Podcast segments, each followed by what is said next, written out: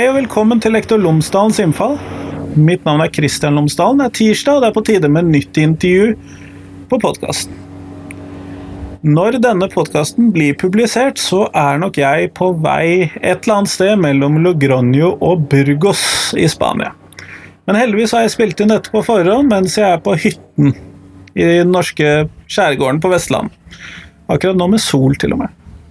Men over til det som vi faktisk bryr oss om i dag. Eh, ukens intervju er med Marianne Støle Nilsen. Hun er ungdomsskolelærer i Bergen og særskilt opptatt av eh, seksualitetsundervisningen og demokratiopplæringen i norsk skole. Det er det første vi skal snakke om i dag, fordi hun har nettopp levert inn en mastergradsoppgave om seksualitetsundervisning i norsk skole fra administrasjons- og organisasjonsperspektivet. Det kan være at uh, vi har mindre grunn til å være skeptiske og uh, pessimistiske om norsk seksualitetsundervisning enn det vi ofte, meg selv inkludert, er. Men i hvert fall, nå skal du få gleden av å høre intervjuet med Marianne. Vær så god.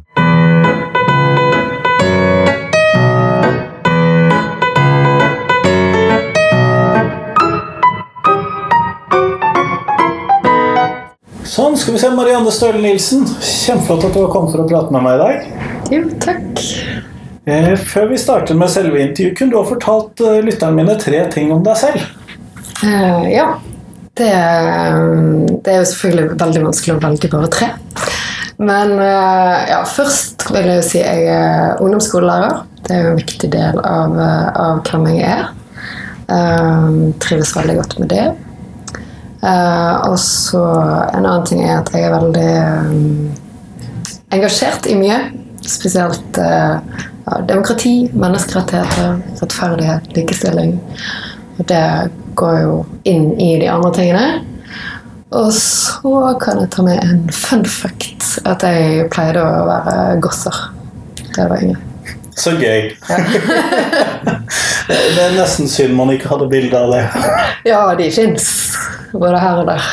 Jeg gjemmer stort sett unna mine svartkledde bilder fra ungdommen til sånn identitet og subkulturundervisning i samfunnsfag. Ja, herlig.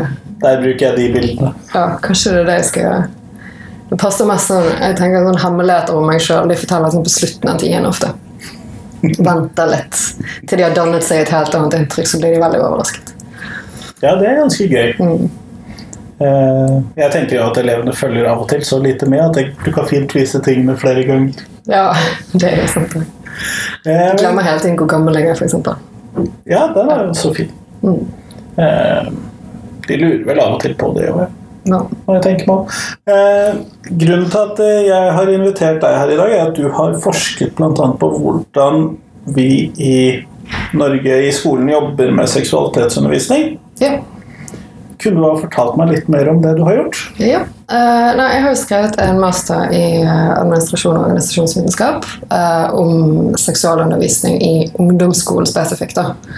så jeg har selvfølgelig sett litt, ikke bare på ungdomsskolen, men det som har vært hoved, hovedfokuset.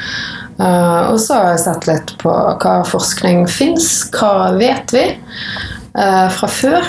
Og der har jo en del forskning vist at eh, undervisningen er veldig eh, heteronormativ. At den seksualundervisningen går liksom, Det handler om reproduksjon innenfor heterofile rammer hovedsakelig. Og så er det også fokus på innenfor sånn, helse og kjønnssykdommer og litt dette FY-perspektivet. Og så har du i tillegg fyrperspektiv nummer to. Uh, voldtekt og overgrep. sant? Uh, og det òg viste den tidligere forskningen at var inne, da. Uh, så at det var liksom de to aksene seksualundervisningen lå på, så der begge egentlig var Så heteroer ja. som lager barn, kjønnssykdommer og voldtekt. Ja. Litt sånn i ekstremversjon, ja. Men, men, lite om altså, ulike seksuelle orienteringer, ulike måter å leve på. Um, og altså, det, det, har ikke vært det helhetlige perspektivet som man ønsker. Og det er jo, du bruker konsekvent seksualitetsundervisning. Det er jo et normativt begrep. Sant? At det ligger i det at man ønsker denne helhetlige og vekk fra nettopp det perspektivet jeg snakker om.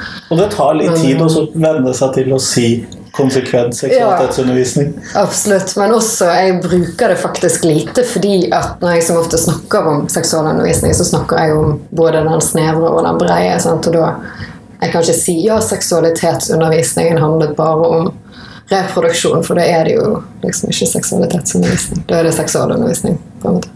Jeg ser forskjell. Så, ser ja. forskjell. Så, men eh, Så det var noe av den forskningen, da. Og så gikk det på eh, Nyere forskning viste at uh, lærerstudenter de var mer eh, Selv om de hadde nesten ingen undervisning om seksualitet i lærerutdanningen, så var de veldig opptatt av at de skulle gi en helhetlig seksualundervisning, og at den skulle være oppdatert. Eh, Det lover jo godt, da. ja, og det lover godt. Og så er det òg noen helt nye studier som viser at eh, eh, at mange sier at de ikke har fått undervisning om voldtekt og overgrep på egne grenser. Eh, som er rart, syns jeg. Eh, og så er det òg studier av eh, eh, kontaktlærere rundt hele landet Sex og samfunn har utført, som, som viser at eh, nesten alle lærere mener seksualundervisning er viktig, og at det er viktigere enn andre fag. Samtidig mener de at de har ikke nødvendigvis kompetansen til det, og de mener også eh, Jeg husker ikke akkurat tallet, men ca. halvparten mener det er for dårlig sjøl. Som er jo igjen påfallende. Her har vi elever som sier at de ikke ja. får det, og så har du lærere som mener at dette er viktig, men som ikke har verktøyene til å gjøre noe. Mm. Sånn. Ja, på en måte. Samtidig så er det jo utrolig mange påstander om dette temaet. Eh, Og, og spesielt etter jeg begynte å forske på det og begynte å liksom snevre meg inn på hva problemstillingen min skulle være, så la jeg merke til alle som sa hvor dårlig det var, og alt som manglet. Og jeg tok meg hver gang jeg snittet og spurte basert på hva? Basert på hva? Basert på hva? Og jeg har spurt så mange mennesker. Ok, du sier det og det, men basert på hva? Nei, jeg kjenner en. Jeg snakket med en. Jeg, når jeg gikk på skolen sjøl. Ja, Det er veldig mange anekdotiske bevis her. det er nettopp det. Så det, selv om vi har en del forskning, så var det òg tydelig at den forskningen jeg har funnet, de som har uttalt seg bastant om seksualundervisning, de har ikke lest den forskningen. De bare Det er kun anekdotisk. Uh, og og du, altså, du ser jo nå i eh, partiprogrammene sant? Alle unntatt Høyre og Frp visstnok uh, skriver noe om seksualundervisning. Og de sier hva man vil bedre, de sier noe om hva de mener skal fokusere på. Vet de hvordan det er? Nei, de vet jo ikke det, de heller. Uh, og, og når du ser på f.eks. AUF, som, eller, eller det er på initiativ fra AUF, det er Arbeiderpartiet som nå De sier jo spesifikt en del ting som liksom skal inn. Og det jeg endte opp med å tenke var Ja, men det alle sier, det ligger i kompetansemålet allerede. Så hvordan skal du forbedre det hvis lovverket ligger der, og det ikke blir gjort? Da er det jo noe annet som mangler. Ja, for da må det jo gå på bekostning av den pedagogiske friheten, lærer, metodefriheten osv. Ja, og for si at alle skal gjøre dette. Ja, men samtidig så Vi skal jo det. Altså, Kompetansemålet i Kunnskapsløftet har forskriftsstatus. Det er ikke valgfritt. En lærer i ungdomsskolen som har eh, naturfag, KRLE eller samfunnsfag, kan ikke bare si 'jeg har ikke lyst til å undervise om seksualitet', for det skal du. Det står der. Så da var det jo det som ble problemstillingen min. Hva er det som kan forklare den eh, seksualundervisningspraksisen som finner sted? Sant? For det at eh, det påstås at den varierer. Eh, og jeg antok at det gjør den. Og så skulle vi finne ut ok, hva er det som varierer, og hva kan forklare det. Så det var det som var utgangspunktet for, eh, for min eh, forskning. Og jeg så jo da på sant, hva ligger på nasjonalt nivå, hva ligger på kommunalt nivå, hva ligger på ledelsesnivå på skolen, og hva ligger da på, på lærer, helsesøster, altså mer de som skal liksom utføre denne undervisningen. Da. Hva, ja. Og har funnet av forklaringer på de ulike nivåene. Da. Så gøy. Uh, Så ja. Så jeg, så jeg har funnet ut sånn at nå kan vi si litt mer om hva er det som gjør at det ikke nødvendigvis blir sånn som det legges opp til da, i kompetansemålet.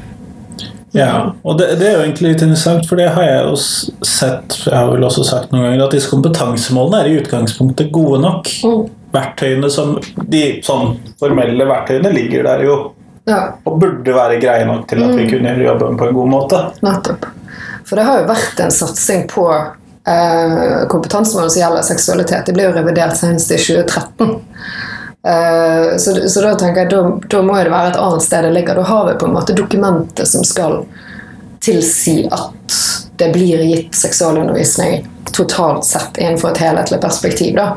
Sånn, At Innenfor naturfag så er det litt mer fokus inn på helse og kropp. Sant? Og på samfunnsfag og KRLE litt mer på relasjoner, kjønnsroller uh, og, det, og kultur. Altså mer det, det aspektet. Men at det totalt sett er eh, Burde vært ja, greit. Burde vært greit, Ja. ja. Uh, men, uh, men det ene er jo det selve kompetansemålet. De er vage. Ja, ja. Du kan tolke de på veldig mange måter. Og, ja. Så det er jo sånn du kan, du kan gjøre én ting, og så har du gjort det du skal, og så kan du gjøre en helt annen ting, og så har du også på en måte gjort det du skal. Og det er jo kjennetegn ved målet i Kunnskapsløftet generelt. Så det ligger jo der. Og så er det òg det at det ligger på flere fag, og det er et tverrfaglig tema. Eh, og da får du med en gang det problemet med hvis ja, det er ja, hvis det er alle sitt ansvar, er det fort ingen sitt ansvar. Og, og gjerne at det blir da naturfaglærer sitt ansvar, fordi naturfaglæreren tradisjonelt har liksom hatt ansvar for seksualundervisningen, og at det gjerne også blir helsesøster sitt ansvar. Og så varierer det da hvor, mye er helsesøster inne, hvordan samarbeides det med vedkommende. altså ja, så, så det er mye som ligger liksom i selve måten det er lagt opp på, som gjør at de underliggende nivåene da vil variere for hvordan det er der. Eh, for når det kommer til kommunalt nivå, så kan kommunene bestemme litt at sånn gjør vi det her, og de kan tilby kurs, og de kan liksom lage sine egne policyer. Sant? Noen har egne retningslinjer for helsesøstrene som går nettopp på seksualundervisning. Eh, I Oslo-skolen har du obligatorisk undervisning for sex og samfunn. Eh, Så, så kommu- kommunalt nivå kan gjøre en del.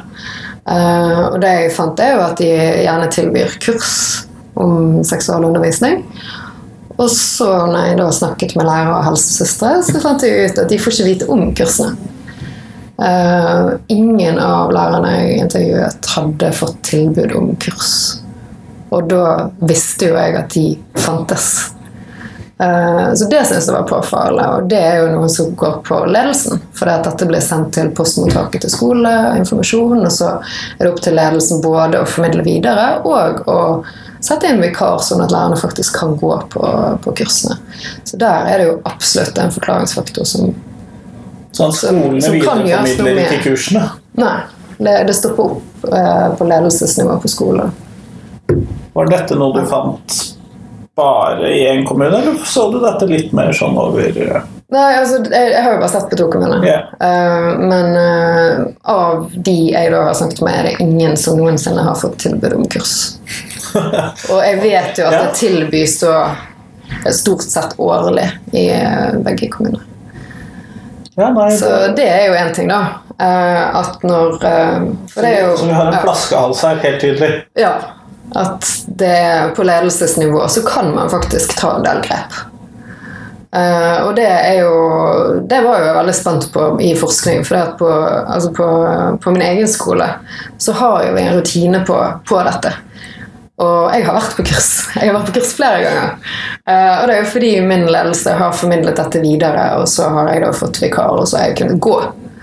Uh, og, og vi har fast at vi, at vi deltar på uke seks.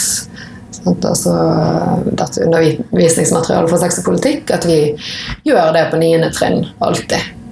Uh, og er med på den uken, og helsesøster er involvert. Og, altså, sant? og det er fastlagt. Det ligger inne på vår årsplan. Eh, Så det kan gjøres. Ja, det kan gjøres. Og så skal jeg ikke si at vi eh, utover den uken er fantastiske hos oss heller, for det varierer litt etter lærer og uh, en del, uh, del ulike faktorer. Men, men har, vi har i hvert fall noe som ligger fast, Uh, og det går an å få. Og det, det så jeg jo òg på de skolene jeg har sett på, at uh, når ting er formalisert når det ligger i planer, når ledelsen er involvert, så blir det mer systematisk. Og, og hvis eh, ledelsen ikke er involvert, og det ikke ligger noen ting fast, og ingenting ligger i lokal læreplan eller årsplan, eller noen ting, så varierer det veldig. Og da kan det variere på, altså på samarbeidstrinn.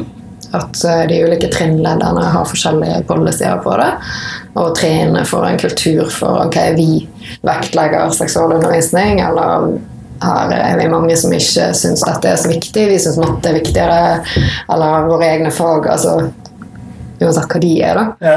Uh, og og da, da blir det mer uh, fragmentert og, og rett og slett mindre seksualundervisning. Og uh, man kan ikke som skole si at dette er det tilbudet som kommer ut til elever på denne skolen. Man kan bare si at ja, hvis du, hvis du går den klassen, så kanskje lærer du litt om det. Og hvis du går i den klassen, så lærer du kanskje litt om det.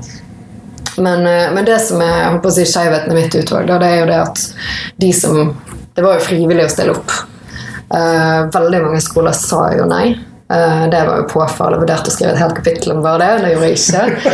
Men det var altså veldig vanskelig å få tilgang på skoler i utgangspunktet. Og det var jo forskjellige årsaker som ble gitt. da. Noen ganger egentlig ingen annet enn eh, nei, beklager. Men, eh, men så handlet det jo òg om å få lærere til å stille opp hvis første og rektor hadde liksom gitt tilgang. Og selvfølgelig, de som vil snakke med meg, er ikke de som bare Nei, seksualundervisning, det er bare tull.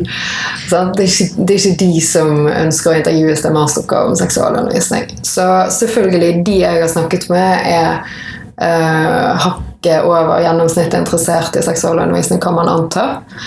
Eh, de underviser i hvert fall om seksualitet, alle sammen. Det er ingen av de som sier at det ikke er viktig. Eh, men likevel så forteller, de, forteller jo det jeg har funnet om eh, Hva er det som kjennetegner de lærerne? Og hva er det som kjennetegner de lærerne som de snakker om, som, som ikke syns det er viktig? Uh, og da eh, fant jeg at eh, alle de lærerne jeg snakket med, var veldig opptatt av at sant, skolens øverste mandat, det er danning. Sant? Det er dette skape disse hel, hele menneskene som skal klare seg ut i livet og kunne leve et godt liv og være selvstendig. Og, Uh, og så satt de da seksualundervisning inn i den konteksten. At det var en del av det. Det var en del av disse verktøyene skolen skal gi deg for at du skal kunne klare å leve livet ditt. Uh, så, så det var gjennomgående. Og når de da snakket om disse lærerne som ikke var så opptatt av det, da var det mer disse ja, nei, men De var mer opptatt av liksom sitt fag og sin fagkunnskap. Mens de lærerne jeg snakket med, uh, de, de sa liksom direkte sitat Drit nå litt i den matematikken. Sant? Altså det, det er noe med det å sier at dette er viktigere for dem. Og det har jeg sagt sjøl, og jeg har, jo, jeg selvfølgelig ikke bare skrevet til masteroppgave om dette fordi at ja, det er man grådig opptatt av på administrasjon og organisasjonsvitenskap. Det, Jeg regner med at du ble litt overrasket når det var temaet ditt. ja, fikk, eh, fikk en kommentar på at å ja, her, har- her har det skjedd ting på feltet, liksom. Altså, ja, men det er jo fordi jeg sjøl har en interesse i det, og uh, ville da bruke det faget til å se hva, hva er det som ligger politisk og organisasjonsteoretisk som, som kan, eh, kan forklare seksualundervisningspraksis i eh, norsk ungdom- ungdomsskole. Uh, så, men ja, nei, det jeg skulle si var at jeg har jo vært opptatt av seksualundervisning i mange år. Og har eh, vektlagt det i stor grad, og har, har sjøl utviklet meg veldig på det. For eh, det, det er så viktig å hele tiden se hva er elevene opptatt av, hva er det som skjer rundt i verden. Eh, så jeg har jo hele tiden lagt til nye ting. Første gang jeg hadde seksualundervisning, så var det mer sånn eh, ja, mindre omfattende enn det er nå. da. Men så etter hvert så å ja, gud, vi er nødt til å snakke om det. Vi må snakke om sosiale medier. Vi må snakke om, å ja, Nå må vi begynne å snakke om Snapchat når det da kommer og ble en greie. Sånn. Uh, vi må snakke om porno. Og, og så er det noe med det ja, du må snakke om porno, og som lærer, hvis du aldri har sett porno, så er det litt vanskelig, for da vet jo ikke du hva virkelighet det handler om. Og hovedpoenget der er jo at det ikke er virkelighet. da. Ja, ja, men Det er jo det, er det vi må du bør ha sett porno for å kunne snakke om porno. ja, du må faktisk det. Du kan ikke bare ta det ut ifra det du har hørt. Uh, og det gjør jo at det det er krevende å undervise. Sant? Og uh, nå i år så Å ja, hele debatt rundt innafor, så måtte jeg uh, finne frem masse bilder av kjønnsorganer i ulike fasonger for å vise at vi er forskjellige også der.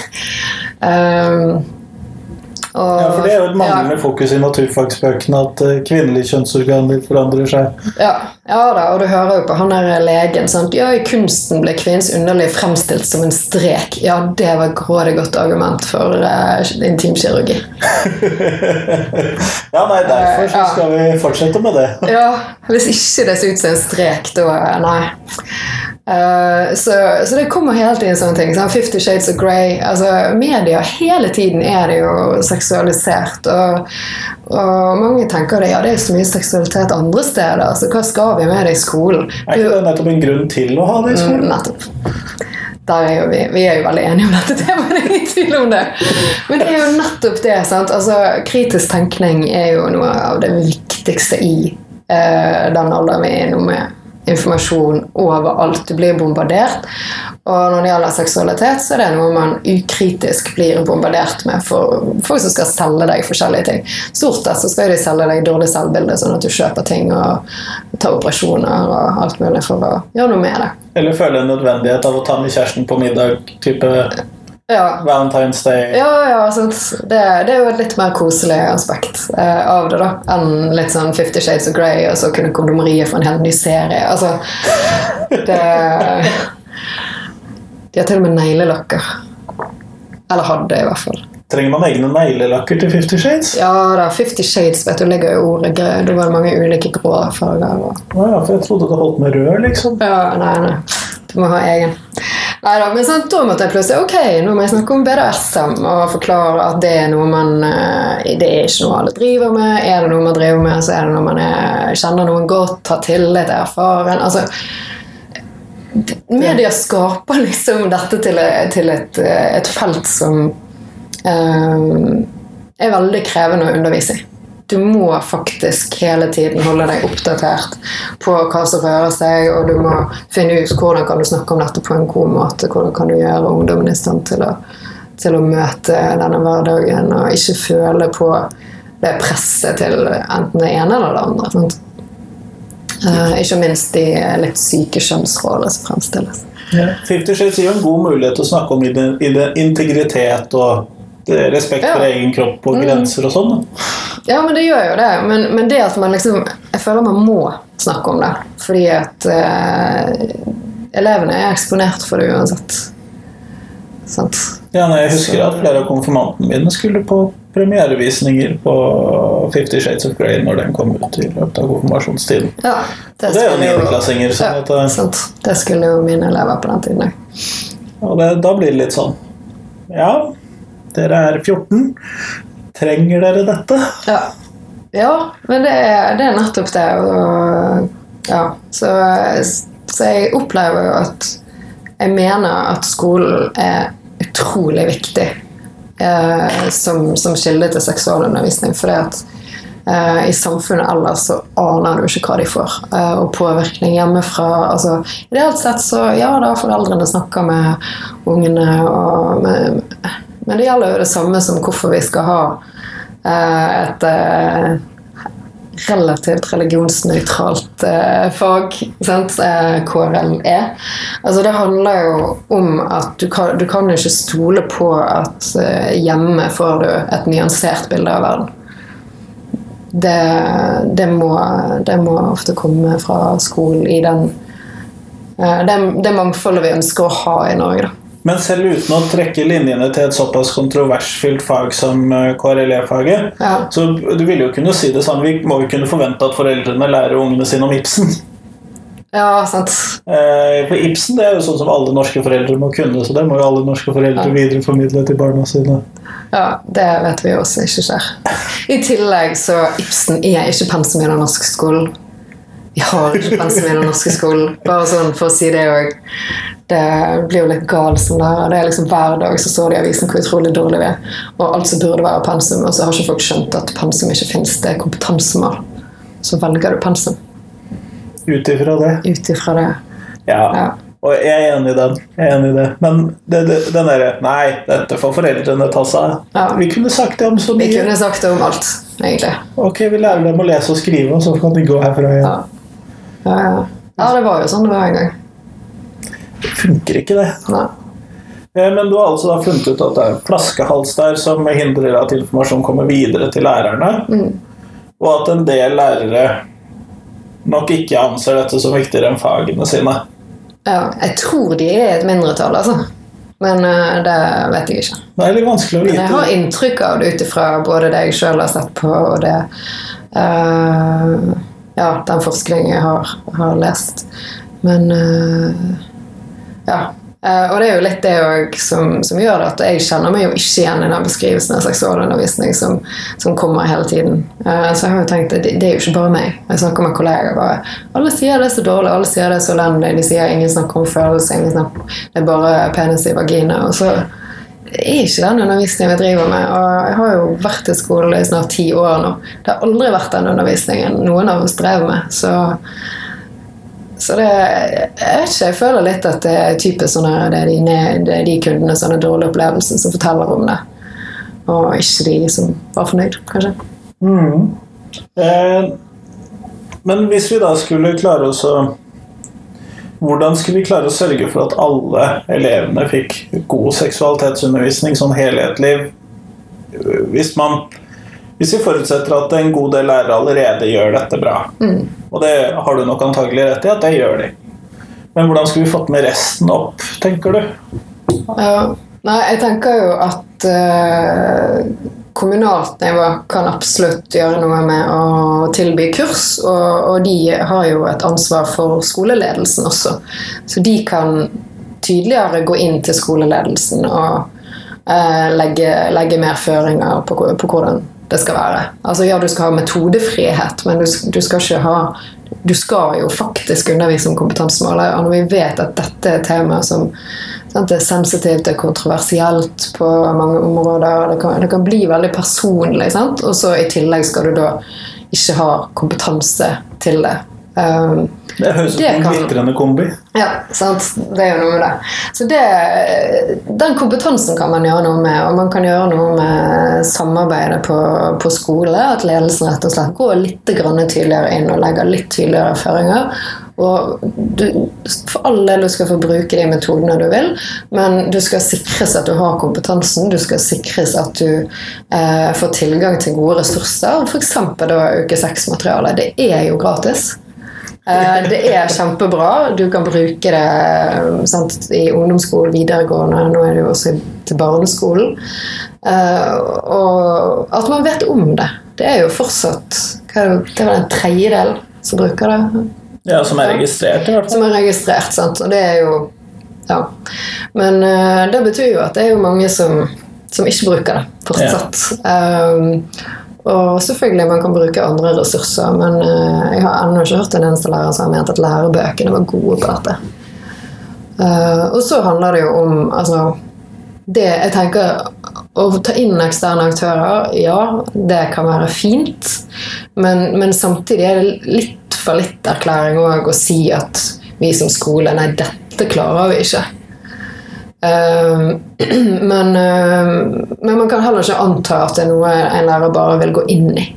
Sant? Det er ikke alle som vil gå inn og ja, nå skal vi snakke om BDSM, og du får spørsmål hva er en rimjob, og så skal du vite det og forklare. Altså, tenk- ordbok, dette her. ja, men sånn, tenk på ethvert menneske, da. Eh, lærere er også bare mennesker. Og, og det at man blir en lærer i samfunnsfag eller KRLE eller naturfag, betyr ikke nødvendigvis at man er delvis sexolog. Eh, så, så jeg tenker det å Det må inn en, en, heller en kursing av oss som lærere.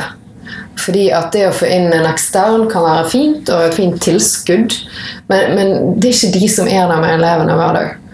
Og, og undervisningen eh, mener jeg bør ligge på alle trinn, og, og gjerne gjenta en del. For det at det en elev går, går rett over hodet på de på ni- niende trinn. For det at de er ikke der. Så forstår de det i Så forstår de tiende. Og da merker jeg jo en kjempeforskjell. Jeg prøver alltid å ha noe på alle trinn. Uh, mest på niende og tiende, da. Uh, og da eh, å snakke til elevene i tiende er noe helt annet enn å snakke til de i niende. Altså. Uh, og så er det store individuelle forskjeller. Det er jo et av kjennetegnene i ungdomsskolen. Det, Noen er egentlig på barneskolen fremdeles, Ja. og noen er kanskje sosialt sett på videregående. nettopp. Så, og det må vi være rett og slett bare ta høyde, høyde for. Uh, så Men jeg tenker jo at Ja. dette her Det burde egentlig vært en sånn tre-del-ting hvor man Fordi at det, som du sier, det er jo vi lærerne som er der med elevene. Mm. Og det er jo oss de har et tillitsforhold til. ja. Og noen ting er greit å ta opp med mennesker du har et tillitsforhold til, og som kan legge opp undervisningen godt. Og som vet om noen har blitt voldtatt, f.eks. I hvert fall Ja, større ja, ja, sjanse for det. ja. Noen ting er det kanskje greit at helsesøster gjør. Mm. Litt mer distansert, men fremdeles en lokal ressurs og, som Ja. kanskje har tillit til. Og noen ting er det kanskje best at noen fremmede tar seg av, fordi at ellers ville det blitt for pinlig ja, sant. for noen av dem. Ja. For elevene tenker jeg mer på nå, ikke læreren. da. Ja. Nei, det er jo kanskje akkurat det aspektet med å, Det som går mer over i faktisk sexolog, da. Med Ja. sånn eh, lyst og mer sånn teknikk og sånne ting. Men samtidig så Helt ærlig, det står ikke i kompetansemålet. Så, så det er jo òg et spørsmål her. Hva er det skolen skal ta opp? Sant? Jeg så jo på det var P3 NRK som hadde noe sånn eh, Hva ønsker man av seksualundervisningen? Og da så jeg flere kommentarer som Ja, læreren vår snakket om sine egne erfaringer. Det syns jeg de burde gjøre mer av. Nei, det skal vi ikke gjøre mer av. Altså, jeg skal ikke stå og fortelle om mitt seksualliv til elevene. Jeg kan fortelle om mye rart, men seksuallivet mitt skal de få slippe. Ja, sant? Så, så der går det så, så de ønskene elevene har for undervisningen, det, det er jo ikke nødvendigvis at vi faktisk kan innfri det. Og jeg hører jo det når jeg spør elever på tiende trinn eh, som jeg vet har hatt mye seksualundervisning, så spør de ja, mye, ja, hvordan har deres seksualundervisning vært. Nei, vi har nesten ingenting. Ja, men dere hadde jo det i niende. Ja, og så har dere det i niende. Ja, og så har dere det i tiende. Ja, og så det i tiende. Ja, jo, stemmer det. Så det er sånn, jeg, tror, jeg tror det er et tema de er ganske umettelige på. Og vi skal jo ikke lære dem om stillinger og Nei, sant? Men jeg husker jo det, jeg tenkte jo sjøl det på ungdomsskole. Bare, vi lærte om prevensjonsmidler, og jeg bare ja, dette vet jeg. Det er jo ganske logisk eh, hvor du putter det ene og det andre, liksom. Altså, hvor tror du du skal ha p-skum i øret? Altså, det er litt sånn så, så jeg husker jeg var sånn at jeg ville heller lære om stillinger, liksom. Men jeg skjønner jo det nå at nei, det er ikke det vi skal lære om. Men vi kan jo lære om ting som som er ganske fysisk, eh, biologisk, som ikke er vanskelig å skjønne at dette kan du trekke et sted som å forklare klitoris og indre klitoris, og, og dette med likheten mellom kvinnelige og mannlige kjønnsorganer. Sånn At de, de opptrer ganske likt. Det føles ganske likt. Da kan man liksom tenke seg litt til hva som kan være godt for andre òg. Altså, ja.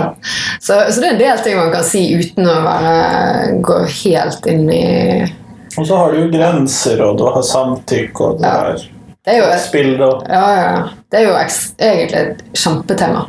Som, som er en stor del av livet ditt. Og derfor tenker jeg òg at vi, vi må være flere lærere om det, og helsesøster må være involvert.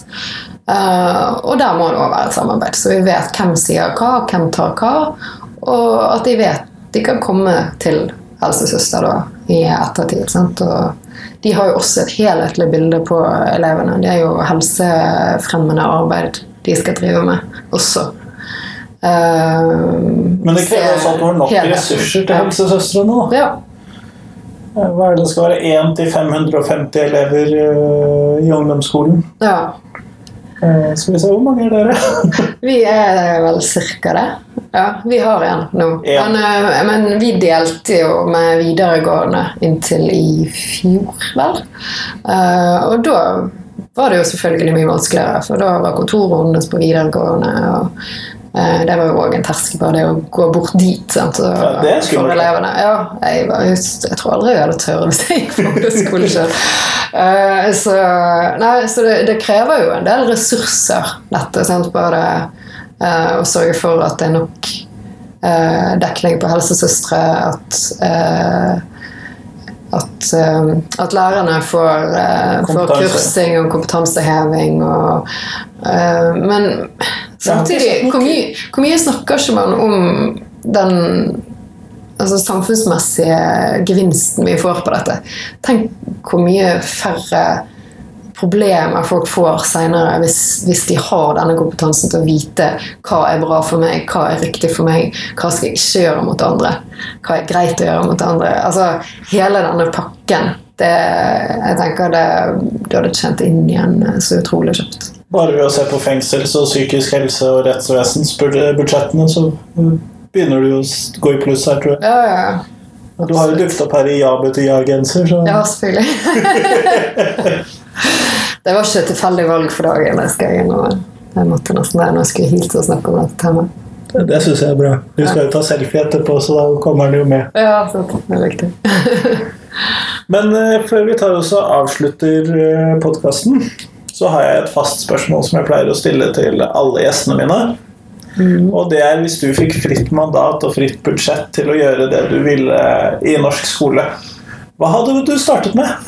Ja. Marianne som skolediktator. ja, det hadde vært gøy. Nei, det er jo utrolig mye. Men uh, de kan si hva de vil om forskningen, men jeg ville begynt med færre elever per lærer. Uten tvil. Eh, det sier seg sjøl at jo mer tid du får til hver enkelt elev, jo bedre kan du ivareta den eleven. Så, så det ville jeg begynt med. Eh, og så har jeg en sånn drøm om mindre fokus på karakterer. Eh, jeg syns det er måten elevene måles og veies fra de begynner på ungdomsskolen, jeg syns den er helt absurd. Det er det verste jeg vet med jobben min. Eh, og Det er kanskje lettere å fikse det hvis ikke du har så mange elever per lærer også. det er sant òg. Ja, absolutt. Men, men for eleven òg Det er så deilig de gangene vi kan bare tenke nå, nå skal vi fokusere på læring. Og ikke bare på hva skal dette munne ut i, sånn at jeg kan sette en karakter. Og, og det blir jo sånn. Uh, dessverre. Eh, og det er sånn på seksualundervisning. Der jeg, jeg vurderer ikke elevene i det temaet. Det er et av de der jeg bare legger vekk alt det og sier der. Det er en del av kompetansemålet vi kan teste til muntlig eksamen. Og, men Det kommer jo ikke på muntlig eksamen. Nei, altså det bestemmer jo vi. Altså, det er jo Ok, lokalt. skriftlig eksamen. lokalt Det skriftlig kommer det jo ikke, for det er jo bare matte, matte norsk og engelsk som er skriftlig på ungdomsskolen. Kanskje vi burde hatt seksualitetsundervisningseksamen? Ja, det hadde jo vært eh, Så for å få lærere tvinge alle til Det har hadde vært interessant. Men så er det noe med hver gang alt skal over til noe som kan måles, så skifter fokus.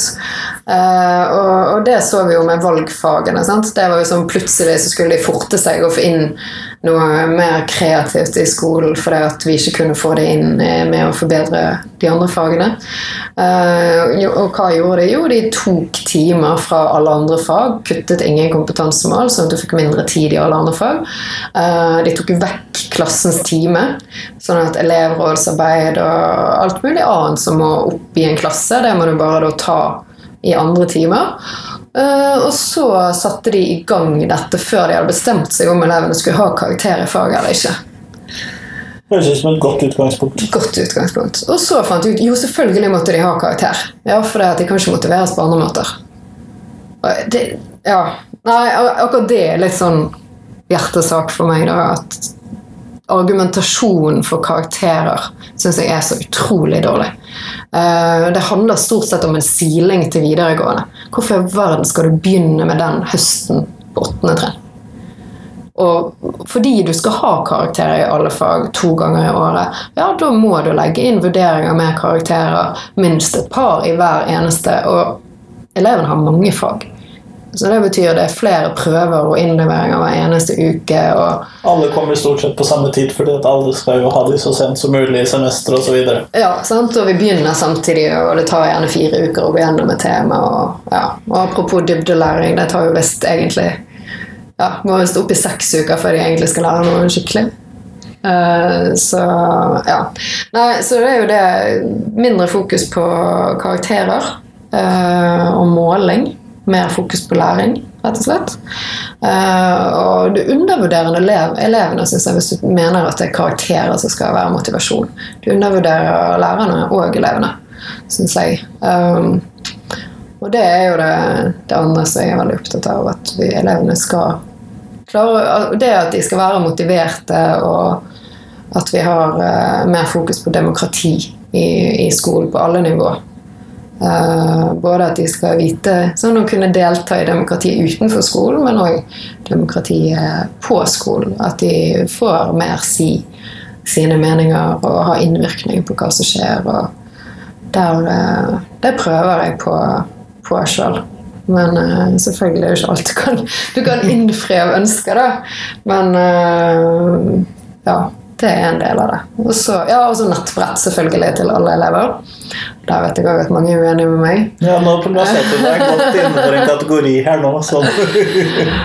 ja, men det, men det, tenker jeg at igjen, akkurat som at seksualitet er overalt. Eh, det er også den digitale hverdagen, og den må, den må inn i skolen også. Vi må lære hvordan, hvordan det er.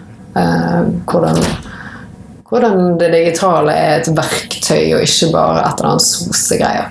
Jeg sier jo det til elevene mine at jeg bruker Facebook. Det jeg er så informert. Jeg leser jeg vet ikke hvor mange artikler daglig pga. Facebook og pga. tingene jeg følger der. Du kan bruke det til noe annet enn kattebilder av Kim Kardashian.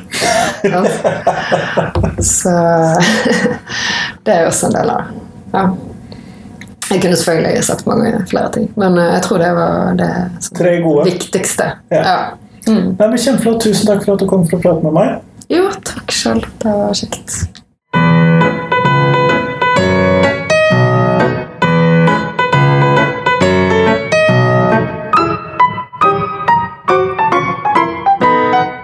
Tusen takk til Marianne, og tusen takk til deg som hørte på.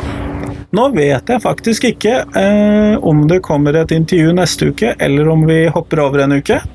Det er jo sommerferie, tross alt. Eh, men i hvert fall, fram til neste episode så håper jeg du kan dele podkasten med noen som vil sette pris på den.